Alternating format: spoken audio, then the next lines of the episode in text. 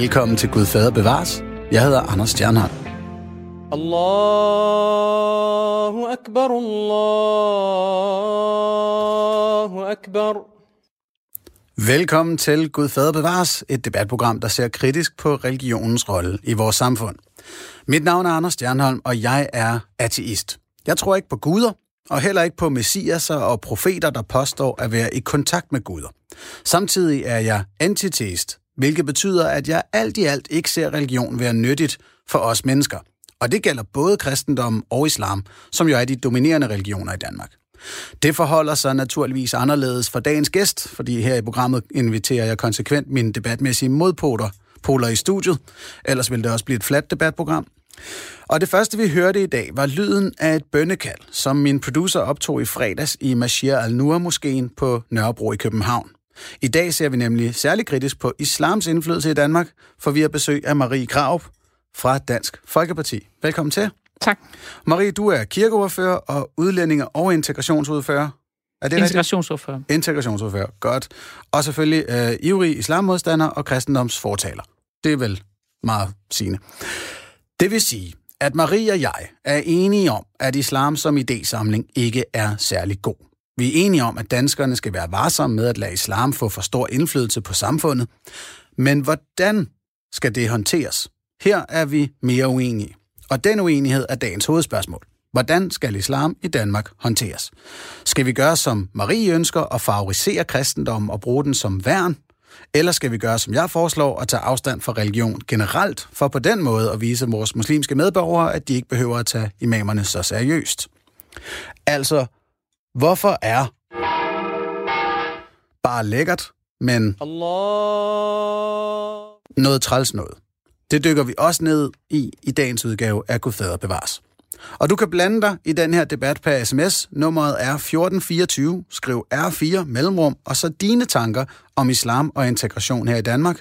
Har du et bud på, hvordan vi bedst løser problemerne, eller har du et spørgsmål til Marie Kraup eller mig, så skriv altså til 1424. Radio 4 taler med Danmark. Og Marie Kraup, jeg gætter på, at de fleste lyttere, de kender dig udmærket godt. Så vi kan gå til sagen med det samme. Hvad er det ved islam, der bekymrer dig så meget? Det er, at islam ikke kan passes ind i et øh, kristent land, uden at det giver store problemer. Danmark er et kristent land og har været det siden øh, 800-tallet, eller 900-tallet, da vi blev kristnet sydfra, og øh, har nogle bestemte traditioner, en bestemt måde at være på, og alt det udfordrer islam. Og øh, det giver en helt, helt masse problemer for samfundet generelt, og for de enkelte personer, det går ud over, og også for muslimer selv. Så derfor øh, har vi begået en kæmpe, kæmpe, kæmpe fejl ved at tillade indvandring af muslimer. Det skulle vi aldrig have gjort. Islam burde ikke have været til stede i Danmark. Havde islam været til stede i en meget lille øh, gruppe, ligesom vi har med jøder, så havde det ikke været noget problem. Men i den, den massive tilstedeværelse, vi har i dag, hvor, hvor der er øh, op imod 500.000, et eller andet sted mellem 350.000 og 500.000 muslimer i Danmark, der er det for mange til, at vi kan håndtere det. Og derfor er det enormt vigtigt at sørge for, at, øh, at vi ikke får mere indvandring fra muslimske lande. Mm. Og hvad er det, der er svært at håndtere? Det, der er svært at håndtere, er, at øh, enhver religion har et bestemt værdisystem, og øh, dermed også en bestemt øh, måde at opføre sig på. Og kristendom og islam stod fuldstændig sammen. Altså, hvor kristendom er frihed, så er islam ufrihed. Øhm, hvor øh, kristendom er åbenhed og øh, øh, kærlighed, så er øh, islam øh, undertrykkelse og øh, knægtelse af ytringsfrihed og alt det der, som, som vi har kæmpet imod, som vi slet ikke bryder os om i Danmark. Okay. Og det er enormt dumt at få det indført i sit land, når man kan undgå det. Jeg skal lige forstå, og nu, jeg, jeg, det er det samme spørgsmål, jeg kommer til at stille, tror jeg. Altså, hvis vi kigger til de mest konservative, kristne og islamiske dele af Danmark, så er der nogle ligheder omkring, at øh, man ikke ser homoseksualitet værende særlig fornuftigt. Der er som ofte stor forskelsbehandling af mænd og kvinder. Og så er der ikke mindst tanken om efterlivet. At det liv, der kommer efter vores, det er vigtigere end det her. Øhm, det har de så til fælles jo. Om, men der siger du, at kristendommen gør det på en mere fri måde end islam. Jamen, det der det er sådan nogle overfladiske ligheder, fordi der er jo en kæmpe, kæmpe store forskel. Jamen, det er derfor, jeg vil gerne hen til de her Ja, ja. dybere liggende uligheder. Men, men det er så det, det, de kæmpe store forskel, der er, det er jo, for eksempel, at øh, kristendom ikke har en lovbog. Altså, kristendom er ikke en lovreligion. Mm. Øhm, hvis du skal sammenligne kristendom og islam, og det hellige inden for kristendom og islam, så skal du sige, at Jesus er jo det hellige i kristendommen, ikke? Mm. Mens i islam er det Koranen. Og hvad er Koranen? Jamen, det er en bog, der eksisterer, og som mange kan udlede en hel masse regler af. Den er meget, meget til stede, og den binder folk helt vildt meget. Mens Jesus, han er en, øh, en Gud, der blev menneske, og som nu er borte fra jorden. Øh, og man kan ikke, der er ikke nogen, der kan tage, tage patent på Jesus på den måde. Det, det siger han jo selv. Han siger, der er ikke mm. nogen hellig lov. Og dermed er det en henvisning til, at man selv skal tænke over, hvad man vil. Og man har ikke noget, man kan ikke komme og slå hinanden i hovedet med en eller anden færdig løsning. Jeg ved selvfølgelig godt, der er nogle kristne sekter, som er gået ud af et, øh, nogle skøre spor. Ikke? Altså, der er også nogle ganske få øh, kristne fundamentalister, som mener, at man kan slå andre i hovedet med, med øh, en bibel. Men der er ganske få af dem. Mm. Langt de fleste øh, respekterer eller, eller tror på, at øh, Jesus er Kristus, dermed opstanden og er i, i himlen, og det hellige er dermed ikke på jorden. Vi kan aldrig blive hellige, vi kan aldrig blive rene, mens islam det er helt omvendt. Det hellige er også på jorden, og du kan blive ren, hvis du følger reglerne i Koranen. Derfor kan man gå og slå hinanden i hovedet med den der bog, og det gør man jo hele tiden. Det er simpelthen det, islam går ud på. Det er at udlede nogle regler af den her bog, og så sige, det er det, du skal gøre for at blive ren. Så derfor har du splittelsen her nede på jorden, kamp mellem mennesker om, hvad det rene er. Mens vi i kristendommen, der har du en en accept af, at der er intet, der er rent hernede på jorden. Og det er kun Guds nåde, altså øh, Jesu tilgivelse, der kan frelse os. Okay. Det lyder som om, at der er to meget distinkt forskellige måder at dyrke religionerne på. Det må og man det, sige. Det kan godt være, at du kommer ind og retter mig lige her om lidt. Øhm, at vi har mennesker, der kigger i bøgerne og siger, at det her det er reglen. Øh, her i programmet har vi haft øh, Henrik Højlund, en, en øh, præst, der ligesom siger, jamen der står i et Paulusbrev, at kvinder kan ikke være lærere, derfor kan de ikke være præster. Det er reglen. Samtidig har vi imamer, der siger, jamen det står her i Koranen, sådan her er tingene, det er reglen. Så har vi så kristne, der i modsætning til Højlund, og det er det, du siger, det er de fleste mm. kristne i Danmark, de ligesom siger, jamen de her budskaber i Bibelen, det som Jesus kom med, det er mere vagt. Det, det, det er en, en guideline. Altså, det er ikke en lov. Nej, det er heller ikke en guideline. Yes. Altså, Bibelen er et stykke litteratur, der er skrevet af mennesker om Jesus, og den er jo selvmodsigende. Det er, det er jo ikke et historisk skrift.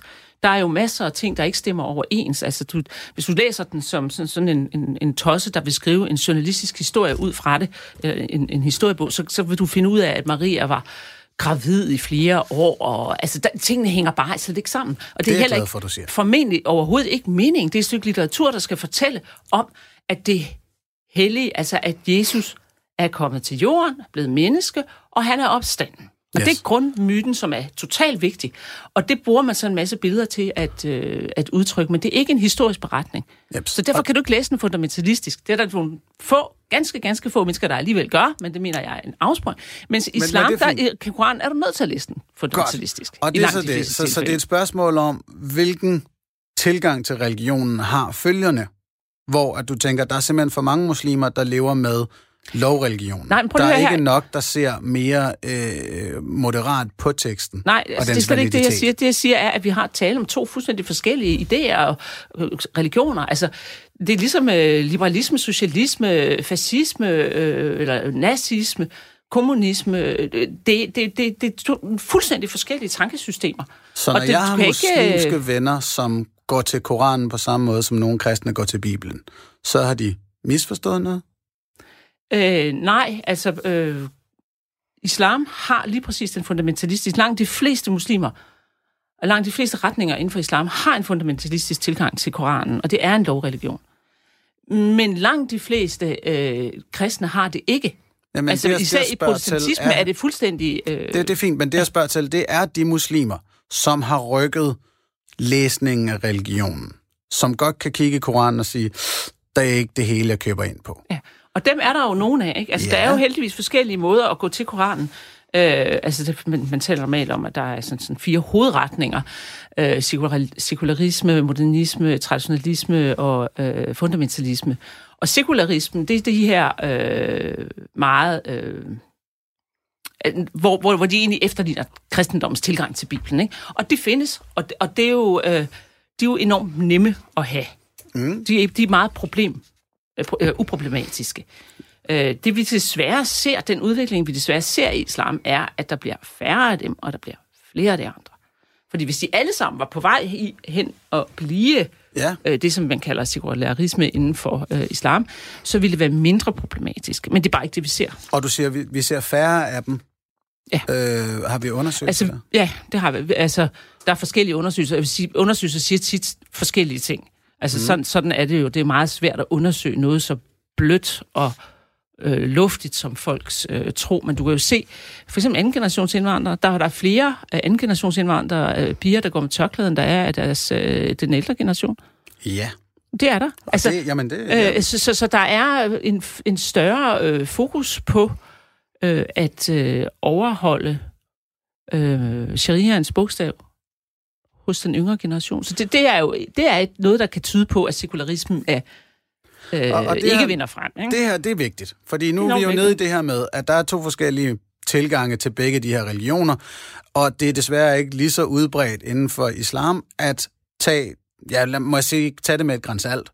Jamen, prøv De lige at her høre, det er tekster ikke sådan, sige, det, det er menneskeskrevet, det men, her. men, men, men som- det lyder som om, at du er ude af et galt spor, fordi det er ikke sådan, at kristendommen har udviklet sig væk fra noget, som lignede islam, og islam er ligesom på vej den samme vej. Nej, det er det ikke. Det er to fuldstændig ja, forskellige, men- grundforskellige okay. Marie, måder så lad mig sige det på den her måde. Vil du medgive mig, at kristendommen er blevet mere moderat de sidste par hundrede år her omkring? Nej. Okay. Altså, kristendommen er det samme. Altså, det består i, at Jesus er opstanden. Så, Ja. så kristendommen har ikke ændret sig. Ah, vi må da, den kultur, kristendom har skabt i Danmark, altså nu er den begyndt at acceptere homoseksuelle siden 2012, den har accepteret kvindelige præster siden 1947. Det er der Ja, nogle frems, altså, hvad vi Fortolkningerne, fremskridt. fortolkningerne har ændret sig på nogle områder selvfølgelig. Det er fuldstændig ja. klart, men kernebudskabet er det samme. Godt, godt, godt. Jamen, det, det, er Men- meget, men- det er meget, meget vigtigt at, at, Men- at få styr på det. Kernebudskabet er nøjagtigt det samme. Godt, men kunne det ikke sagtens, altså ikke sagtens, men det kan godt ske for islam, det... at om 100 år sidder der en, en muslimsk politiker i et radiostudie, eller den, den tids øh, tilsvarende øh, medie, og siger, jamen islam har jo ændret sig, nu har vi fået kvindelige imamer, nu har vi fået sådan her, og homoseksualitet er accepteret. Fortolkningen har ændret sig, kernebudskabet er det samme. Alle Det er ikke fuldstændig umuligt, men det er næsten umuligt, fordi der er nogle meget, meget stærke bremser på den udvikling inden for islam, som er indbygget i islam. Og den største og vigtigste bremse, det er Koranen selv. Fordi Koranen er ikke en bog, der er skrevet af mennesker om Muhammed og Allah. Det er det ikke. Det er i muslimsk forståelse, islamisk forståelse, er det. Allahs eget ord, og det må du ikke ændre på. Og derfor vil du den kritiske tilgang, som vi har haft til Bibelen, hvor man har øh, relativeret den og gjort det til et, et, et historisk øh, skrift, et, et øh, skrevet af mennesker, og hvor man har en totalt kritisk og videnskabelig tilgang til, hvordan den er blevet til. Den form for forskning er jo simpelthen dødsens farlig inden for islam. Du Mhm. bliver forfulgt, du risikerer at blive øh, gjort, øh, øh, miste din borgerrettighed og komme i fængsel, blive dræbt, hvis du bedriver den slags øh, videnskabelig forskning i Koran. Den må ikke relativeres. Yes. Og det er en voldsom bremse på at udvikle islam, eller Det ændre. Men- men det er islam. så så der, derfor hvor- tror jeg, at det du siger, det er et drømmeønske, som mange har, men det er meget urealistisk. Åh, ja, det er fordi, jeg virkelig gerne vil... Vi vil begge to gerne have flere muslimer, der kigger på Koranen med samme briller, som kristne kigger på Bibelen. Også selvom der gøre. er fundamentalt... Altså, det, Nå, det, det, det, det er lidt noget vrøvl. Du har for nylig skrevet Du en vil kronik. gerne Jamen, have lad- en- Marie, så prøv at forstå mig. Så lad være med at slå ned på hver eneste ord. Du har for nylig skrevet en kronik i Jyllandsposten øh, omkring øh, islamiseringen af Danmark, hvor du siger, jamen, nye borgerlige er urealistiske, når de gerne vil have alle muslimer ud. Det kan vi ikke. Nu er de her.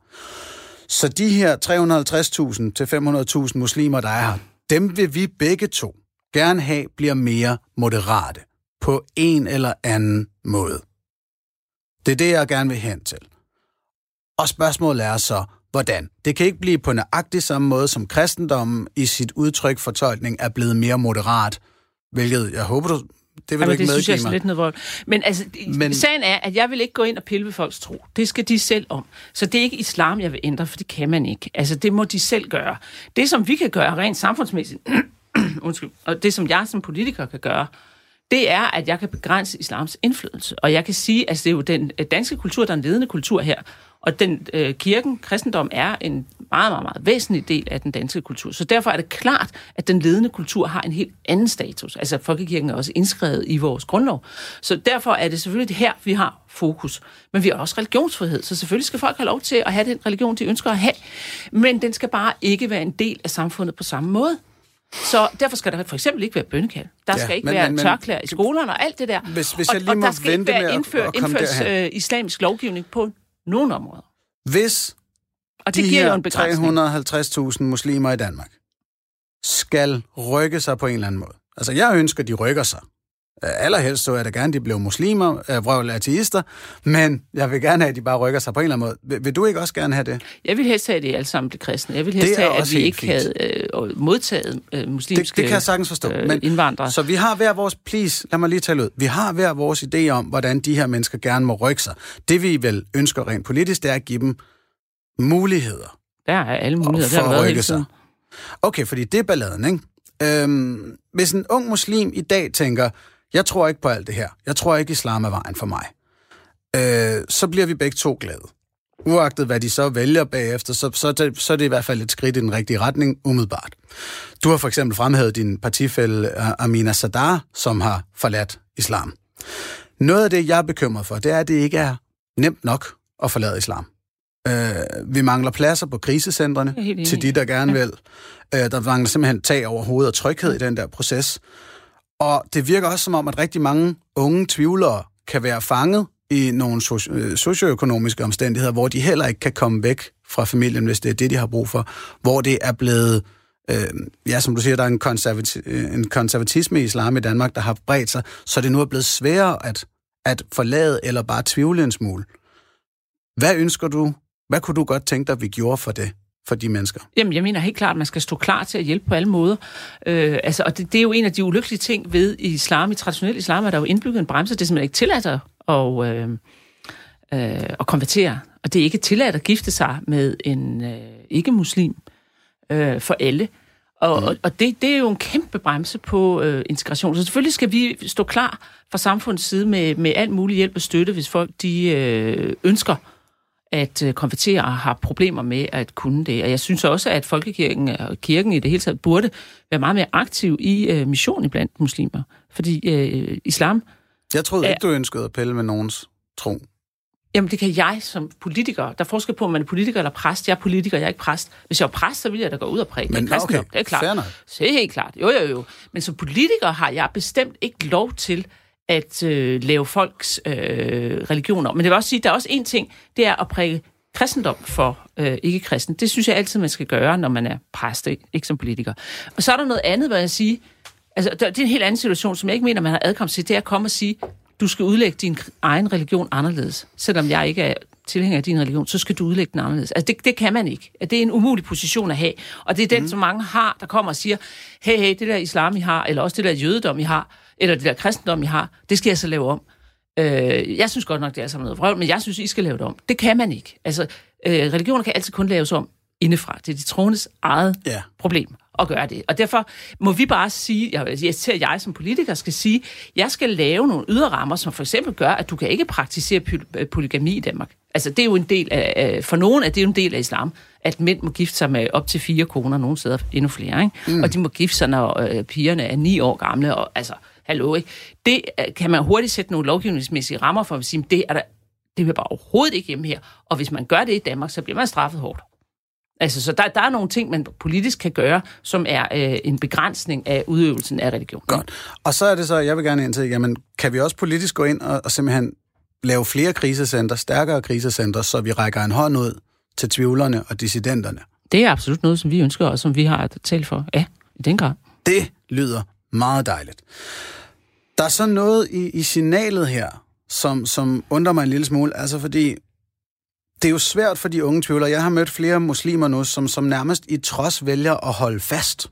Selvom de sådan set har svært ved at forlige sig med, at Allah skulle være så kæmpestor og almægtig, og at Mohammed skulle være hans profet, så får, får de ligesom at vide fra, fra den danske politiske scene, at jamen, jeres forældre tog desværre alvorlig fejl i valget af religion, selvom det måske nok også var påtvunget dem. Og den religion er så dum, at den slet ikke kan bruges, så nu kan I enten åbent skide på jeres kulturarv, eller som jeres forældre har givet jer, eller også så kan I blive fordømt af det danske folketing som uintegrerbare. Altså, hvad, hvordan kan vi på en eller anden måde kommunikere til de unge mennesker, at der er en middelvej? Fordi det ligner lidt, at der kun er de to yderpoler for dem. Jamen, det kan de jo se hele tiden. Man kan jo se det overalt, ikke? Altså, men, men øh, jeg vil da Se appellere... hvad overalt? Altså, at der er andre veje, fordi der er jo trods alt rigtig, rigtig mange altså, øh, ikke-muslimer i Danmark, ikke? Altså, Ja, eller stor en procent. muslimer. Øh, jamen, det er jo så der, hvor, hvor der, er, der er et problem, ikke? Altså, fordi... Øh, altså, jeg kan godt forstå den der identitetskrise, man kommer til at stå i som ung muslim, at, øh, at man... Øh, det er i hvert fald den historie, jeg har hørt, at mange øh, unge muslimer ser på deres forældre og synes ikke, de er rigtige muslimer. Øh, mm. Og så er det, de ikke kan finde ud af, hvad de skal. Fordi hvis de selv går til øh, Koranen, så kan der meget ofte ske en radikalisering. Øh, og så bliver de... Øh, øh, ja, så, så bliver de meget krævende over for både deres omgivelser og deres forældre. Ikke?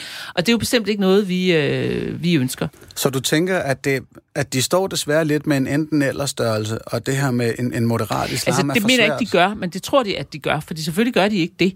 Øh, fordi de kan jo tænke ud af boksen, de kan bryde med det, altså de kan blive som danskere, og det er jo det, der er opgaven for dem. Det er at indgå i det danske samfund. Og øh, de, skal, altså, de kan gøre ligesom jøderne. Øh, jøderne, altså nu er jødedommen jo så heldigvis på nogle punkter også meget anderledes, men alligevel, øh, altså man kan sige, jamen altså hvis jeg ønsker at fortsætte med at være muslim, så er jeg øh, øh, forpligtet til at finde en måde at praktisere det på, som ikke på nogen måde går ud over øh, det danske samfunds kerneværdier eller de danske øh, samfundstraditioner. Og det er jo det, som jøderne har gjort. Og det har de gjort med meget stor succes. Så, og så der- den mulighed ligger lige for. Den skal okay. De bare tage og vælge. Jamen, fordi det lød lidt Eller på dig, de kan det lød lidt på dig i starten som om, at den mulighed var ikke rigtig til stede i islam, fordi Koranen er Guds åbenbare Ja. Den er til stede for et hvert enkelt individ. Et hvert enkelt individ kan bryde med islam, eller med kristendom, eller buddhisme, eller whatever man vil. Mm. Det, er, det, det, det er muligt, og det er der stor mulighed for i Danmark. Men selve trossystemet kan være nemmere eller sværere at bryde ud af, og nemmere eller sværere at ændre. Og der er islam en meget, meget, meget problematisk størrelse. Okay, men anerkender du der, at, at imamer som Navid Baik og Shirin Kankan har flyttet noget? Altså, de har, de har flyttet noget, men jeg mener ikke, at øh, de har gjort det øh, bedre for... Jo, men altså selvfølgelig alt andet end øh, Osama Bin Laden er jo nok bedre, trods alt, ikke, i Danmark. Jo, men jo, det er stadigvæk en meget voldsom modsætning til alt, hvad der er, er dansk, og, og, og, og alt, hvad jeg mener, vi skal stå for i Danmark. Så er der kommet nogle sms'er, der er faktisk rigtig god aktivitet. Lad mig lige læse et par stykker op. Iben Hjort skriver, lige fra min barndom har jeg afvist religion som regulær overtro og nisseri. Mm. Afviste konfirmation og har aldrig lært et samlevers. Salmevers. Jeg er naturligvis ateist og naturvidenskabeligt tænkende. I forhold til islam som lovtro og kristendom som overtro vil jeg mene, at den overtro, som går på at lave sten om til brød, er mere nådig end den lovtro, som kyler stenene efter kvinder. Det var altså Iben Hjort, der skrev det. Erik skriver, ærgerligt, at Marie Krav bruger kristendommen til at forsøge at bekæmpe islam med, da mange etniske danske ikke længere tager religion og kristendom ret seriøst, men også gerne vil for meget islam i samfundet til livs. Man bør hellere bekæmpe det med vores demokrati, ligestilling og frihedsrettigheder. Og Erik øh, skriver desuden også, hvis man indførte borgerløn og permanent boligkrav, ville det være noget lettere for dem, der vil forlade islam mod familiens vilje. Jeg kan sige, Erik, at Marie sender mig nogle øjne, der indikerer, at hun ikke er helt enig med dine forslag. Du kan få lov til lige at svare på det, Marie. Nå, nej, nej, det synes jeg jo bare er sådan lidt bimlende. Men altså, jeg synes, der er en... Hvad vil du uddybe? Ja, fordi jeg sidder og tænker, det har Erik meget godt styr på. Hvorfor ikke bekæmpe islam med demokrati, ligestilling, frihedsrettigheder, kritisk tænkning, og eventuelt sørge for bedre social understøttelse af de her mennesker, så de har en stærkere ja, økonomisk mulighed for at forlade For det deres... første kan vi jo ikke bekæmpe islam. samfund. Altså, islam eksisterer, det kan vi ikke få til at gå væk. Men vi kan bekæmpe islamisering af det danske samfund, og vi kan reducere sådan. islams tilstedeværelse i Danmark mest muligt. Og Og det hvorfor er, ikke bruge er, de værktøjer, Erik er, er beskriver min her? øh, opgave. Ah, men det er jo så, så, så, altså, det er lidt ligesom Lenin, der gerne vil gøre nogen lykkelige. Vi skal bare lige lave en verdensrevolution. Altså, Hvad? kom over. Er- er Altså, vi kan da ikke, Ej, kan da ikke lige lave hele samfundet om, altså, og, og, og, og lave borgerløn noget. Så det, det synes jeg er det er grotesk. ikke at lave men det er ikke det, der er samfundet om- vigtigt. Nej, prøv lige at stoppe. Nej, nu giver vi lige Eriks ord en chance. Fordi ind det er også nogle af mine... Jamen fint nok, så tag borgerløn ud af det. Det kan det jo ikke. Det var det, der var hans idé. Nej, det han mente... Lad os, okay, jeg, lærer, jeg læser det op igen. Man bør hellere bekæmpe det med vores demokrati, ligestilling og frihedsrettigheder. De her sekulære, værtslige værdier, som er blevet meget, meget populære de sidste 150 år mm. rundt om i verden. Det er godt klar. Det er en ny øh, religion. Og det kan man godt gøre. Altså, man kan altid sige, at jeg vil bekæmpe den gamle religion med en ny religion. Og det er jo sådan set også det, som, som, som jeg ønsker. Fordi jeg ønsker, at vi fastholder kristendommen mm. i, øh, i Danmark. Og det betyder, at islam er øh, forvist til en sekundær stilling, ligesom jødedommen. Ja. Øh, og hvis de kan holde det på det niveau, no props. Øh, Oh, du er blevet meget Men ung i det. Men props. Problemet er, hvis man som, som, som jeg er, øh, tror, at der findes et religionsfrit rum. Det gør der ikke. Der findes ikke nogen steder Mm, det er her lidt en- det er- på nej, er kloden, som er uden religion. Ja, men der Hvis bliver du- ikke sagt et religionsfrit rum. Øh, er der ingen, der men det er det, du står og siger. Når du Nej, siger, at vi det skal det, bekæmpe... siger. Det er det, som... Nu kan ikke huske, hvad han øh, siger, når han øh, siger, at vi skal bekæmpe øh, en religion med øh, demokrati og ligestilling og øh, alt det her. Det er jo en ny, moderne, sekulær religion, som man så vil bekæmpe den anden Hvad, hvad er det religiøse i det? det er, at øh, hvis, kender du ikke øh, den øh, funktionalistiske definition af religion? Altså man er jo faktisk Dirk i religionsvidenskaben meget, ja, lige præcis. Man er meget uenig om, hvad religion er. Ja. Og, og, og den måde, som man sådan mainstream definerer religion på, mener jeg faktisk er forkert. Fordi vi definerer religion som, at man øh, tror på noget overtroisk og har en hellig bog og, og har en, øh, mm. en, en gudeskikkelse. Men, men det mener jeg ikke er rigtigt. Altså, Ja, fordi jeg, jeg går ind for den funktionalistiske øh, Ja, okay, og definition, og det betyder, at en religion, det er et, øh, en kollektiv øh, skælden imellem rent og urent. Og det har et hvert samfund. Du kan ikke bygge et samfund uden en kollektiv enighed om, hvad der er rent og urent. Og i din demokratireligion, der er demokrati rent og alt andet urent, ligestilling er rent og uligestilling og alt det her. Så det er en ny religion. Og selvfølgelig kan man godt, og det er også det, som øh, for eksempel Ahmed Akari går ind for i dag, han har skrevet en lang øh, analyse om, selvfølgelig kan man godt gå ind for, at man skal erstatte islam og kristendom og buddhisme og hedonisme med den nye sekulære demokratireligion, eller menneskerettighedsreligion. Det kan man godt, men man skal bare være klar over, at så er vi inde og er i gang med en, en revolution og et religionsskifte. Og hvis det er det, man ønsker, og det er sådan lidt op ad bakken, når 80 procent af befolkningen trods alt stadigvæk øh, bekender sig til kristendom. Så er det min tur. Øhm, vi er ikke enige om religionsbegrebet, men det tror jeg heller ikke er nødvendigt her. Jeg vil godt gå ind på din banehalvdel og gå med på det her religionsbegreb, som er øh, øh, et udtryk for ja, et, et fællesskab med en rammefortælling, man kan bruge.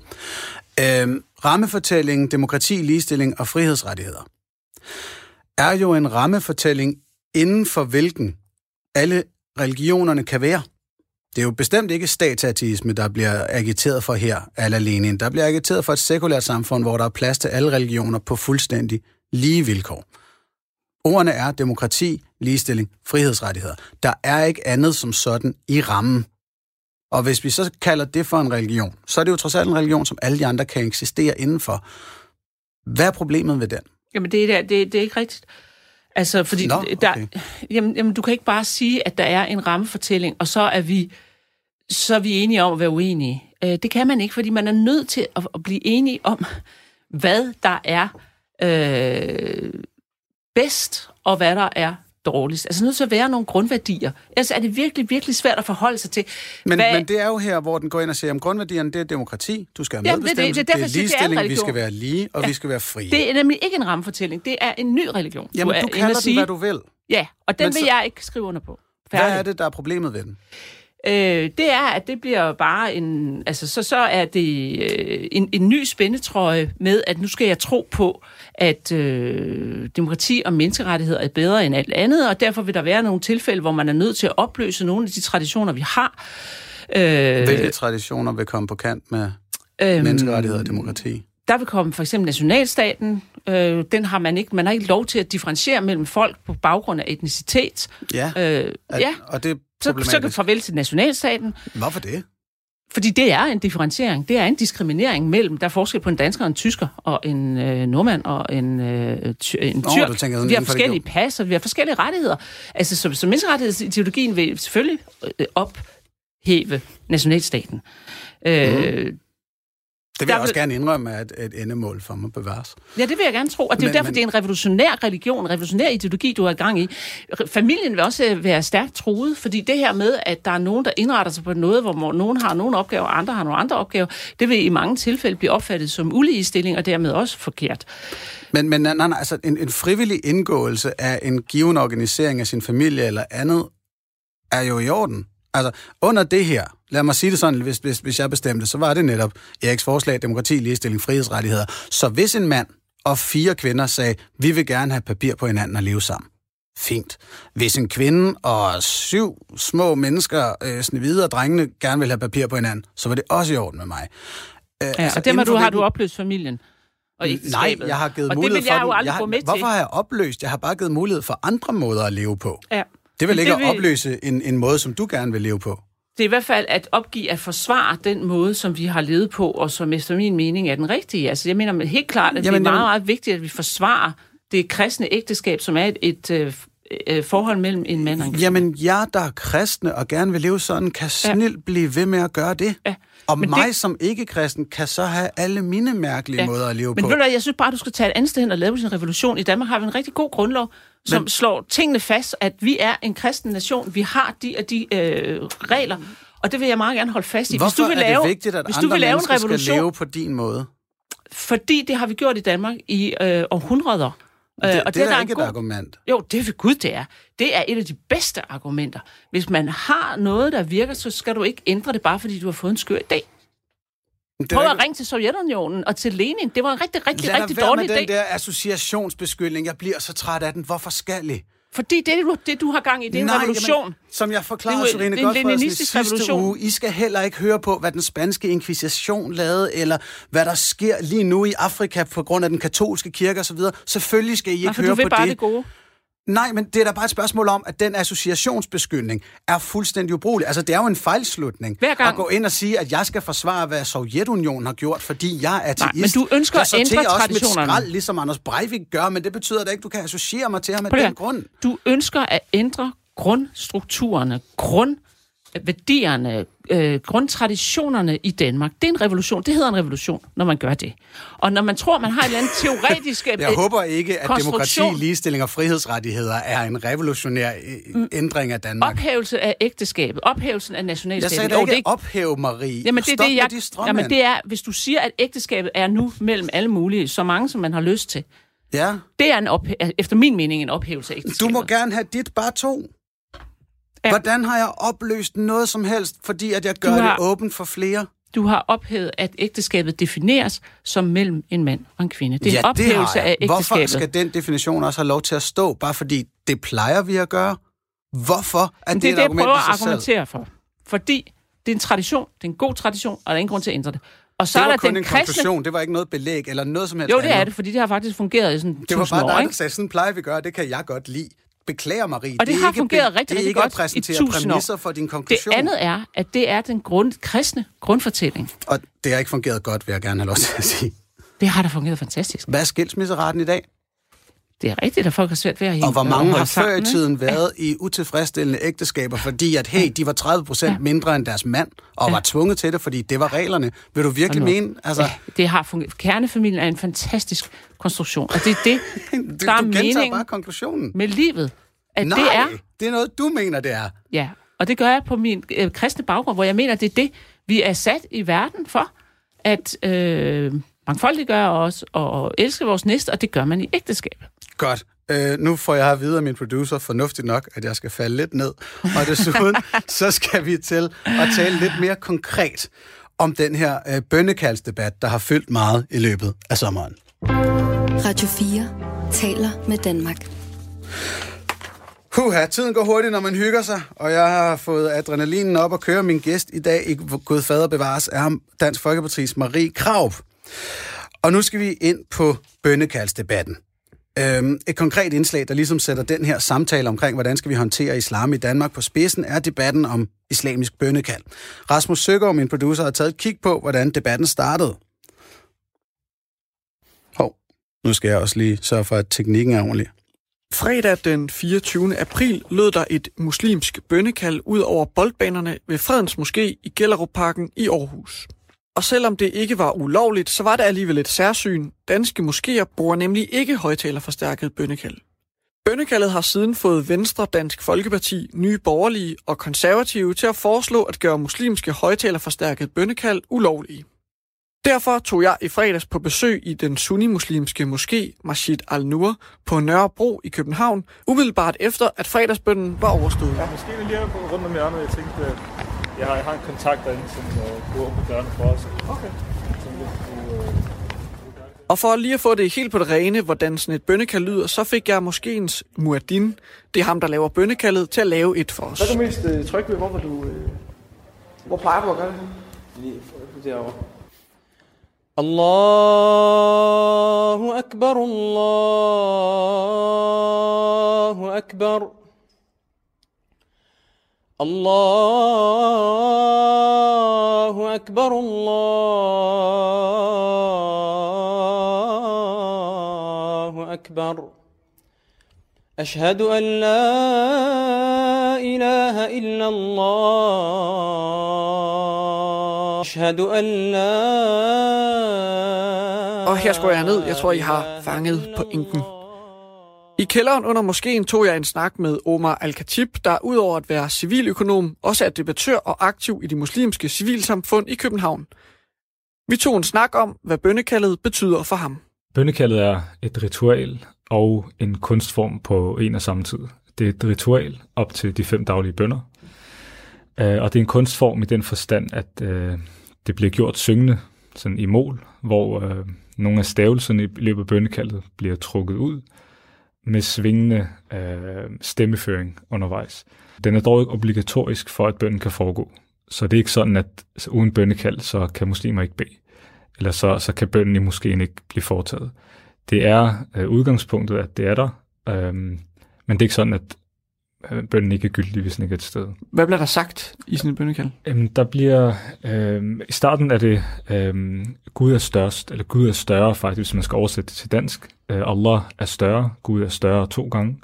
Og meningen bag den frase er, at øh, uanset hvad du møder i, i dit liv af udfordringer og modgang, så er det sådan en form for betryggelse at vide, at Gud er større. Der er en større formål. Der er ikke noget større eller mægtigere end Gud. Så det er starten. Gud, Allahu Akbar, Allahu Akbar, øh, fire gange. Og øh, derefter så er det trosbekendelsen, øh, at der findes ingen anden Gud, værdig at tilbede end Allah, og profeten Muhammed er hans budbringer. Det bliver gentaget to gange hver. Og så er det selve invitationen til bønden, der kommer. Så det er Hayya ala salah, det betyder kom hed til bøn. Øh, det bliver gentaget to gange. Og så kom hed til succes øh, to gange. Men hvis man nu ikke, altså hvis nu Gud ikke er en del af ens hverdag, eller hvis man nu for eksempel har forladt islam eller sådan noget, så, så ville det jo være meget overvældende, tror du ikke det, hvis man skulle høre det?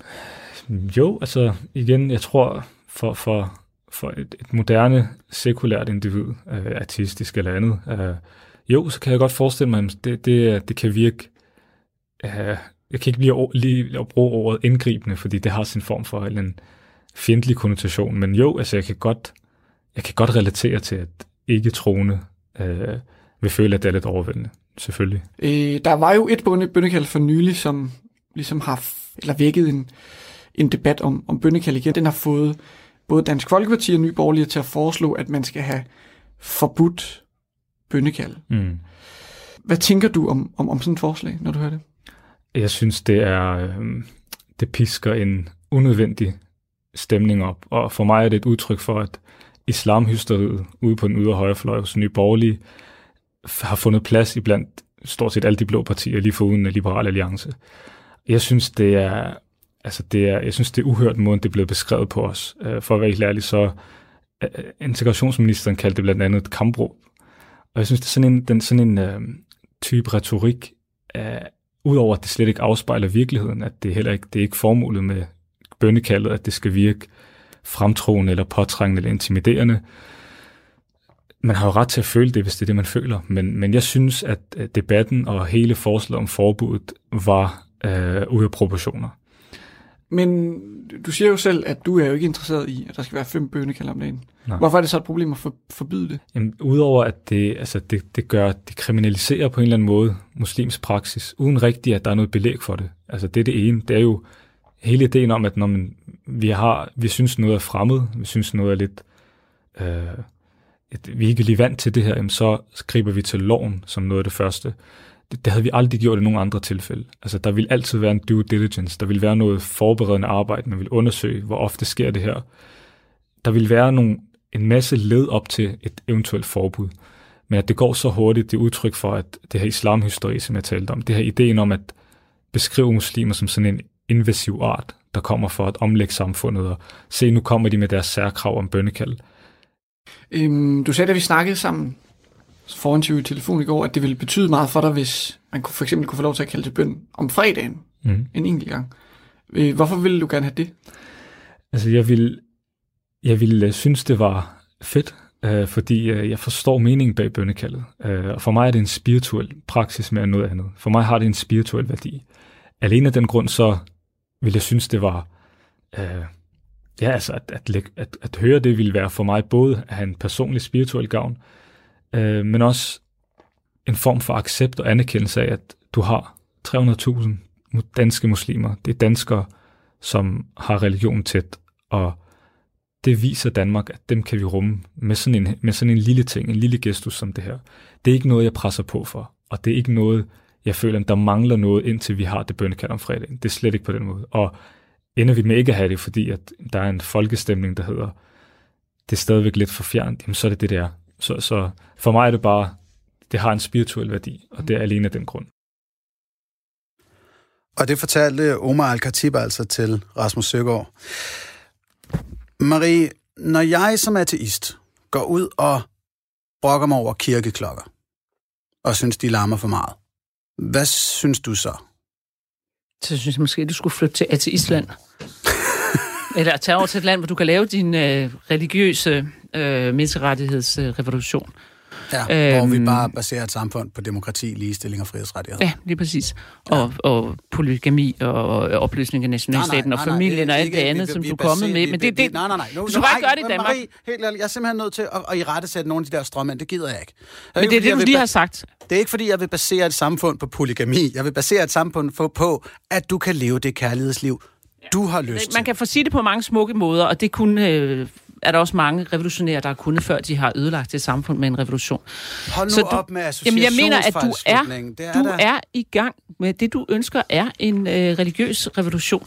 Og det ønsker jeg ikke. Jeg ja. ønsker at fastholde det, vi har. Jeg synes, kirkeklokker, dem har vi hørt på i tusind år. Det kan godt være, Godt, at vikingerne synes, de lød rigtig, rigtig træls. Men så blev de øh, kristne, øh, og så blev de vant til det, og nu er vi vant til dem. Dem skal vi have. Og vi skal selvfølgelig ikke have en øh, Marie, mufti, forstår- der står og råber, min far er større end din far. Øh, adskillige gange om dagen, og heller ikke om fredagen. Fordi det er dominans, det drejer sig om. Det er dominans, og det kan vi ikke have, fordi vi er et kristent samfund. Det er kristendom, der dominerer. Derfor har kirketårnene i godt mange år været den, den højeste bygning, man måtte bygge. Og så det, vi har et kristent domineret land, og vi skal ikke have, at der er øh, områder i Danmark, der bliver domineret af islam. Stemningen den bliver god de her sidste 13 minutter af Gud Fader bevares. Jeg har besøg af Marie Krav, kirkeordfører for Dansk Folkeparti, og du har efterhånden slået fast, at tradition er godt, når det er kristent. For Vores du kan tradition godt lide er god, det. Den er god. Der er ikke som sådan kommet mange præmisser for den konklusion, men konklusionen står tydeligt fast for dig. Mm-hmm. Derfor er det godt. Og min idé om, at der skulle være mulighed for at leve sit kærlighedsliv på flere forskellige måder, den er dårlig, fordi Altså, folk må godt have lov til at leve, som de vil, men de skal ikke have et anerkendt lovligt øh, ægteskab, og et øh, ægteskab, som er, er sanktioneret for eksempel af kirken. Øh, det det, det, det, de det skal de ikke så det har vi ikke brug for i Danmark. Men kristen dominans er godt. Og det er derfor, der skal være forskel på kirkeklokker og bønnekald. Det er fordi, vi har været kristne i tusind år, så vi skal fortsætte ja. vores traditioner. Jeg er konservativ. Og jeg, jamen, jeg, jeg, Og jeg vil- går ind forstår det for traditioner, fordi traditioner har bevist deres værdi. De har, det er ting, som man har prøvet af. Det er lidt ligesom en gryde. Det er rigtig smart at bruge ikke, en gryde, har- fordi man har brugt den i mange år. Man kan se, at den virker. Så begynder man ikke at sige, hey, den, vi kan måske lige lave den af plastik eller øh, træ eller sådan noget. Det, det viser sig meget men- ofte, sådan nogle eksperimenter, at være rigtig dårlige, fordi plastik smelter, og træ det brænder. Så det Gryder sige- er lavet stål, prøv det er skide godt. Prøv lige prøv. Så det vil sige, hvis noget er en tradition, så er den per automatik godt i dine øjne. Men mindre man har væsentlige årsager til at ændre det. Men nu er det det, at udover at Okay. kristendom er en tradition, så er det også noget, som rigtig mange af os mener er sandheden. Øh, ja, 20 procent af de danskerne mener, at Jesus var Kristus. Ja, jeg, jeg, jeg giver meget lidt for de der ting. Ikke? Fordi, som jeg også fortalte dig, før vi startede, før vi startede øh, udsendelsen her, nu underviser jeg, eller underviser, før jeg kom i Folketinget, i religion i, øh, i gymnasiet. Og der har jeg jo oplevet, hvor hvordan man har forsømt kristendomsundervisning. Øh, undervisning. altså, folk ved meget, meget, meget men lidt om det. man behøver jo heller ikke at vide så meget. Altså, vi har 10.000 forskellige mennesker igennem verdenshistorien, der har sagt, at de har været i kontakt med en Gud, eller var en form for manifestering af en Gud. Og vi, du og jeg, er enige om, at 9.997 af dem var fuld af lort. Faktisk 9.999 af dem. Og så ikke. mener du, at Jesus var god nok. Altså, det, det, det, synes jeg er meget, meget, meget mærkeligt, Frø, du står og siger.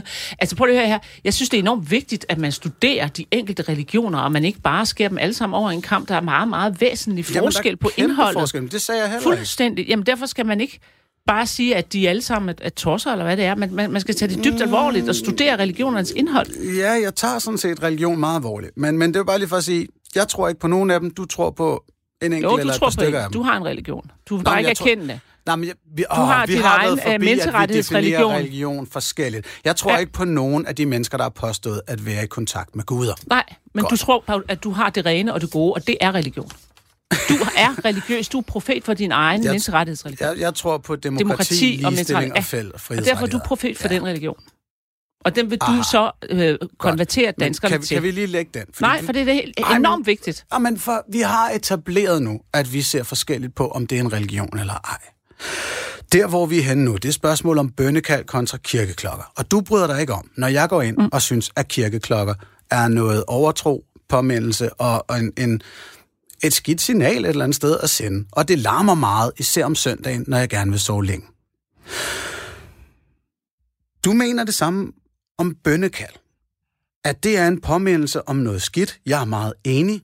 Øh, Omar siger her i indslaget, det er en påmindelse om, at Gud er større end alt. At og det Allah er vigtigste større. overhovedet af det hele. Nå, Det er, han råber, min far er større end din far. det er Kært barn. dominans, og det er klart, at det kan Kært vi ikke give plads til i et dansk men kristent er land. kirkeklokker ikke også en påmindelse om, at Gud Jo. er større end alt? Men det er han også i Danmark. Fordi det er jo den kristne Gud her. Vi er et kristent land. Altså, vi tager jo heller ikke øh, f- Okay. korset ud af Dannebro, fordi der er tilvandrede muslimer. Det Så gør vi jo ikke. så Og sætter en halvmåne ind. Så problemet er ikke, at bønnekaldet minder folk om, at Gud er større end alt. Det er jo ikke Gud, det er Allah. Ja, så det problemet Allah er er, at det er, den, det er den Gud. forkerte Gud, der man bliver mindet om. Ja, det er ret vigtigt. Allah er ikke en Gud, som vi tror på i Danmark. Altså, vi tror på den kristne Gud. Vi tror på Gud, ikke på Allah. Ah, okay. Men så vi har 20 procent af folk. Der er en million mennesker, der tror på den kristne Gud, og vi har 350.000, der tror på Allah. Kan de ikke bare få lov til at have deres religionsfrihed fuldstændig lige? De har religionsfrihed, men de har ikke religionslighed, så Ja, derfor nej, hvorfor kan de ikke ikke lighed? Fordi det er, ikke i grundloven. Altså, hvis du får lavet din religiøse revolution, så kan du indføre det. Men øh, i Danmark er der ikke sådan gennemført sådan en revolution, så vi har ikke religionslighed. Vi har Nej. religionsforskellighed, Og det- og, det mig kristendommen har en helt særlig Her- særstilling. Her endte debatten nemlig også i sidste uge med Serine Gørnfredsen, og det kan være, du kan nå at forklare mig det. Jeg synes, når jeg lurer på, hvad kristendommen går ud på, at det virker som om ham, Jesus, han gik super meget op i lighed. Han var decideret radikal omkring det. Hvorfor er det, at... Har jeg misforstået det her gyldne budskab om at behandle sin næste, som man gerne selv vil behandles? Det lyder som Hvorfor om, er at du har misforstået det, ja. Det gør Ja, det. hvad, hvad er det, jeg misforstår? Du gør det til en samfundslov, og det er det ikke. Det er et budskab til den enkelte om, hvordan man skal behandle sin næste. Og hvorfor skal det ikke give sig udtryk i vores lovgivning? Øh, fordi kristendom er ikke politik. Giv Gud, hvad Gud sagde, og kejseren, hvad kejseren sagde. Man skældner imellem politik øh, og, og religion i kristendom. Det er en Hvorfor indbygget del af det, så derfor i kan vi... vores regeringsgrundlag, at vi var et kristent land? Fordi vi er et kristent land. Men hvis det er ligegyldigt i politik? Nej, det er ikke ligegyldigt politik. Okay. Men du kan ikke... Nej, nej, det er det slet ikke. Det er meget, meget, meget vigtigt. Men du kan ikke lave særlig kristen lovgivning om, hvordan man skal opføre sig kristent. Det, det er en, en misforståelse. Men har vi ikke gjort Øhm. det, i og med, at kirkeklokkerne må gerne bimle og bamle højere end nogen anden virksomhed? Folkekirken må markedsføre sig mere end nogen anden virksomhed for børn og unge nede i skolen. Det er ikke en kristen lovgivning. Øh, vi det er har en ægteskabslovgivning, som er tydeligt inspireret af den her tradition omkring, at man kun må være to i et ægteskab. Så vi har jo kristen lovgivning. Ja, men ikke frelsende lovgivning. Det er en, en øh, lovgivning, der bygger på, at vi har en kristen verdensopfattelse. Så Hvad er på en- den måde er den kristen. Hvad, det hvad er er en frelsende lovgivning? En frelsende lovgivning, det er en, som får dig til at gøre det gode. Altså sådan, altså, at man rykker tættere på at komme i paradis, eller hvad man, hvad man nu for, fremstiller, eller, ja. eller, eller omtaler det gode. Og det kan man ikke. Det kan man i øh, islam. Der kan du lave en lovgivning om, hvordan man lever på den rigtige måde. Hvis du overfølger, overholder sharia, så er det Ja, din vej ja, til okay. paradis. Det kan du ikke i kristendom, Men- fordi men- det men- findes ikke. Men, men du behøver ikke at samle de to ting. Nu spurgte jeg bare Jo. til, jamen, så vi har kristen inspireret lovgivning. Vi har Det er ligesom- klart, vi har ja, ja, det er klart. Også, og så lignende. Alt, alt, alt i Danmark er kristen funderet. Nå, okay, det var lidt meget. Ja, altså ikke, ikke bønnekald. for- Altså det, der er kommet de sidste 50 år, ja, det er ikke. Alright, og der kan jeg se lige hurtigt lokke, at i næste uge får jeg besøg af Bertel Hårder, og vi taler om kristne værdier og hvad de egentlig går ud på, så der kommer vi meget længere ned i alt det. Øh, I dag der er det Marie Krav, jeg har på besøg i Gud Fader Bevares, og vi taler om, hvordan vi skal arbejde med islam i Danmark. Øhm, og du har været inde på, Marie, at den kristne tradition, som vi har, den er god. Og den muslimske tradition, den er ikke lige så god. Altså, og det jeg sådan undrer mig lidt over, det er, at når nu de her, øh, vi snakker om de her bønnekald, og der er enkelte øh, moskéer, der har bedt om at få nogle bønnekald, det du frygter, og jeg også kan være med til at frygte, det er, at det skulle brede om sig, og lige pludselig havde vi fem om dagen. Bevares, det kan ske en eller anden gang i fremtiden, hvis man åbner for en, en, en kaldelem. Men kan du godt forstå, hvis muslimerne bliver såret eller på anden måde øh, skuffet over den måde, der bliver talt om deres bønnekald på, når du bliver skuffet over min måde at tale om kirkeklokkerne på. Jeg bliver ikke skuffet over det. Du synes bare, jeg skal skride til et andet land, hvis jeg brokker mig. Nej, nej, jeg siger, altså hvis ikke du kan holde ud og høre kirkeklokker, så er det dumt at bo i Danmark. Meget, meget dumt. Så prøv at finde et andet sted, eller få nogle stærke hyreværn. Ja. Men jeg vil sige, at, at øh, nej, jeg kan ikke forstå, at muslimer bliver skuffet over det, fordi de er kommet til et kristent land, så selvfølgelig skal de acceptere det. Nå, Hvis nej, jeg nej, tog nej, nej, til nej, nej, Tyrkiet det- eller Saudi-Arabien, så måtte jeg da også Du finde mig svarer et på noget, jeg bønnekald. ikke har spurgt mig om. Det- Du svarer på noget, jeg ikke har spurgt om. Jeg spørger, kan du forstå, hvis de lige nu, hvor der bliver sagt, at hey, de her kirkeklokker, den her, øh, øh, den her påmindelse om, at Gud er større end noget, den er god. Hvorimod den her påmindelse Allah om, at en anden Gud, i dine øjne, en anden Gud, i nogens øjne, den samme Gud, er dårlig. Nej, det kan jeg ikke forstå. Er, er det, lidt, det er lidt sårende? Nej, det kan jeg overhovedet ikke forstå. De er kommet tradition til et det er så dårligt. de er kommet til et kristent land, så kan de da ikke øh, forvente, at vi skal øh, islamisere det for deres skyld. Det, det, det er da fuldstændig uacceptabelt. Selvfølgelig kan vi ikke det. Og øh, når det er et kristent land, så må man også forvente, at øh, langt de fleste faktisk tror, at kristendom er sand, at Jesus er frelseren, og øh, øh, Mohammed er en falsk profet, og Koranen er noget vrøvl. Så der er ikke noget at gøre der. Men er det... Hvorfor skal der... Okay, jeg læser lige et par sms'er også op, fordi det er måske egentlig øh, noget af det, der øh, kan sætte det på spidsen her. Paul skriver, Bønnekald kan være smukt at vågne op til klokken 5 om morgenen i Tyrkiet, men det vil være uhyggeligt i Danmark og andre kristne lande. Michael skriver, skal vi så også til at have Odin-tilhængere til at råbe hver morgen? Eller en satans kult? Muslimer skal holde sig væk fra at råbe op. Det er sket, der er sket lige præcis det, alle frygtede. Øh, Jeg ved ikke præcis, hvad Michael mener der, om det er den ene gang, det er sket. Øh, Susanne skriver, vi har allerede det sekulære demokratiske samfund i Danmark. Ingen grund til at opfinde noget nyt. Vi har indrettet vores samfund med en grundlov, som befolkningen og politikere gennem tiden har besluttet sammen. Den samtale og udvikling kan vi fortsætte med, som vi på demokratisk vis har gjort meget længe. Det er det, der er så fantastisk ved det danske demokrati, og derfor skal vi beskytte det med næb og klør. Og Susanne her for mig er hende, er vi nok begge to relativt enige med. Spørgsmålet er bare, hvordan man beskytter det her demokrati. Øh, fordi, som vi har været inde på flere gange, øh, du ser en grund til at forskelsbehandle de her to religioner. Jeg gør ikke. Jeg så gerne, at vi forbød begge dele, eller måske kun til, tillod bønnekald og kirkeklokker ved særlige lejligheder. Øh, nu bor jeg også 50 meter fra to forskellige kirker på Nørrebro. Men Marie, hvis nogle som mig, som ikke er overbevist om, at en tradition er god, blot fordi det er en tradition, som ikke nødvendigvis ser det her kristne øh, ophav, vi har omkring øh, monogame livsforhold, omkring øh, ja, den forskelsbehandling af kønnene, som efterhånden er helt væk, øh, hvis folkekirken ellers bliver ligestillet. Hvordan kan du få os til at købe ind på din løsning om, at vi skal forskelsbehandle her?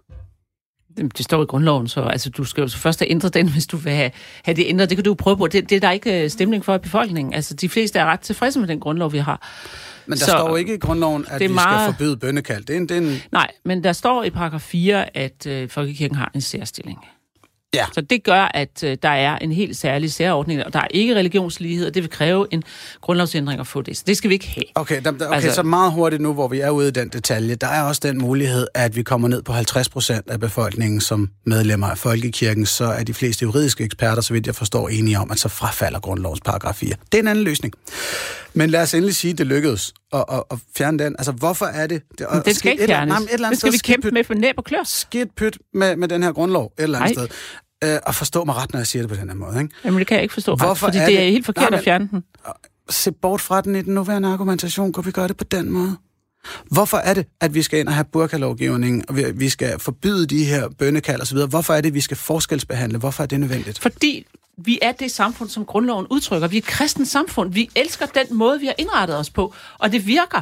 Og det, det, det skal vi ikke lave om, og vi skal ikke lade islam undergrave vores samfund, og det vil islam, for islam står for ufrihed og undertrykkelse. Godt. Tak, Marie Krab. Nogle gange så bliver jeg skræmt over min egen naivitet. Ja, det kan jeg godt det var forstå. lidt det samme argument, du ja. Kommet med din, den sidste time. Ja, fordi det er rigtigt.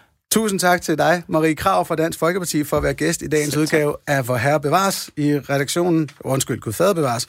I redaktionen er det Bjarke Stenter og Rasmus Søgaard, og som sagt, i næste uge får jeg besøg af Bertel Hårder, og der går vi netop ned i, hvad er det, kristendommen egentlig har givet af moderne danske værdier. Det bliver skideskidt.